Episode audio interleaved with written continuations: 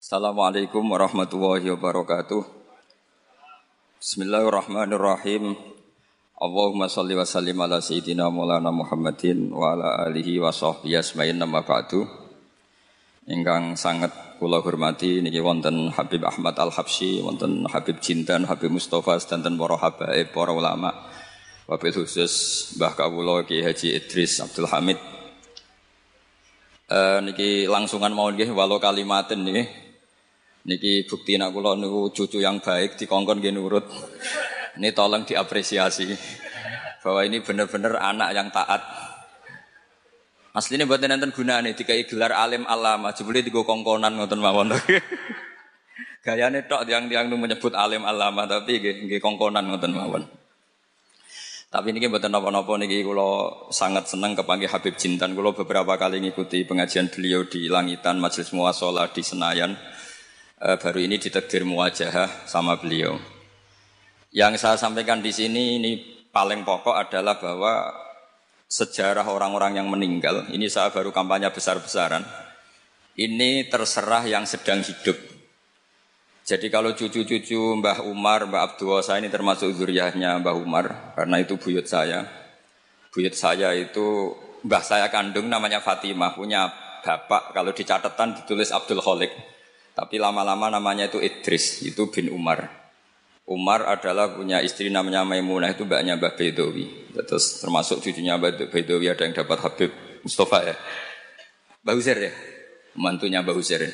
Kira-kira sepuh mana Habib dengan saya pernah Habib? Sepuh jenengan ya? Ya, oh palik ya. Iya, iya, sudah, sudah. Dengan Habib saja saya sudah takut Habib apa lagi? Iya, iya. Habib dan Pak Ali ini. Gelarnya dua. Ini punya mbah keren. Uh, begini ya, jadi kalau dalam tradisi Arab, saya berkali-kali uh, mengingatkan sekali, ada istilah kama tasyarrofa bi Muhammadin adnanu.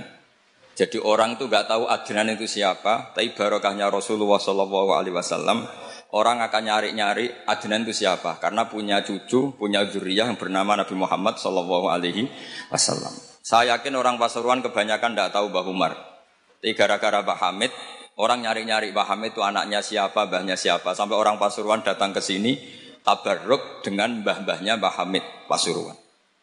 Andai kan Pak Hamid itu udah alim, di Pasuruan itu ngegeng, itu orang nggak akan cari bapaknya itu kira-kira gitu.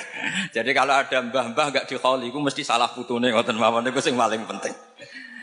Dan saya dididik oleh mbah saya, Mbah Fatimah, karena Mbah Fatimah itu sepupu dengan Pak Hamid dulu di serumah di sini. Itu kata Mbak Fatimah, congke nak pengen ngalim, pengen jadi wali, kudu hafal tiba berjanji. Jaya saya itu mulai kecil itu menghafalkan tiba dan berjanji. Karena itu prasyarat jadi wali. Tapi lama-lama tiba dan berjanji sekarang dibaca sebagian orang ya karena profesi, sebagian orang macam-macam. Tapi itu tetap baik, tetap baik. Saya punya pengalaman ketika mengkaji tafsir karena itu sesuatu yang saya bidangi, saya tekuni. Kenapa Nabi Ibrahim disebut maka anak Ibrahimu Yahudiyah wala Nasronia. Ibrahim itu bukan Yahudi, bukan Nasrani. Karena secara lahir di antara duriahnya ada yang bernama Yahuda bin Yakub bin Ishak bin Ibrahim.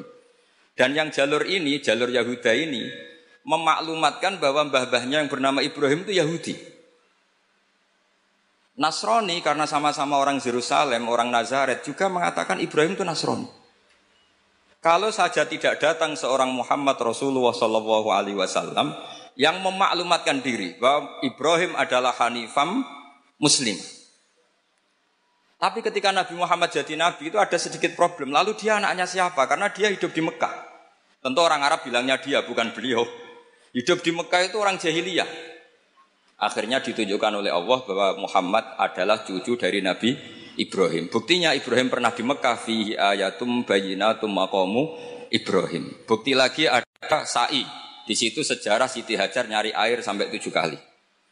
Setelah itu terlacak bahwa Muhammad jadi nabi itu sah karena min Ibrahim. Nah di sini kearifan berjanji beliau ngendikan wa ba'du fa'akul wa Muhammad bin Abdullah bin Abdul Muttalib wasmu Syaibatul Hamdi Humitat Khisaluhus Saniyah karena berjanji ingin memaklumatkan bahwa Nabi Muhammad jadi nabi itu sah karena babahnya juga seorang nabi. Maka disebut wa adnanu bila bin inda dzabil ulu min nasabiyah ila dzabih Ismail nisbatuhu wa mun tama.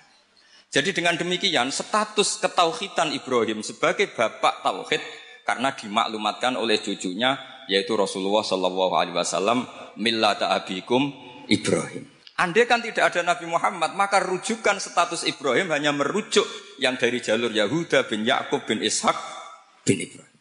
Andai kan tidak ada Muhammad Pasuruan, cucu-cucu yang alim, nanti merujuk cucu yang nggak alim.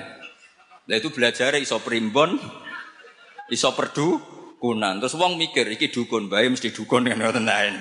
Kan ngoten mawon. Assalamualaikum warahmatullahi wabarakatuh.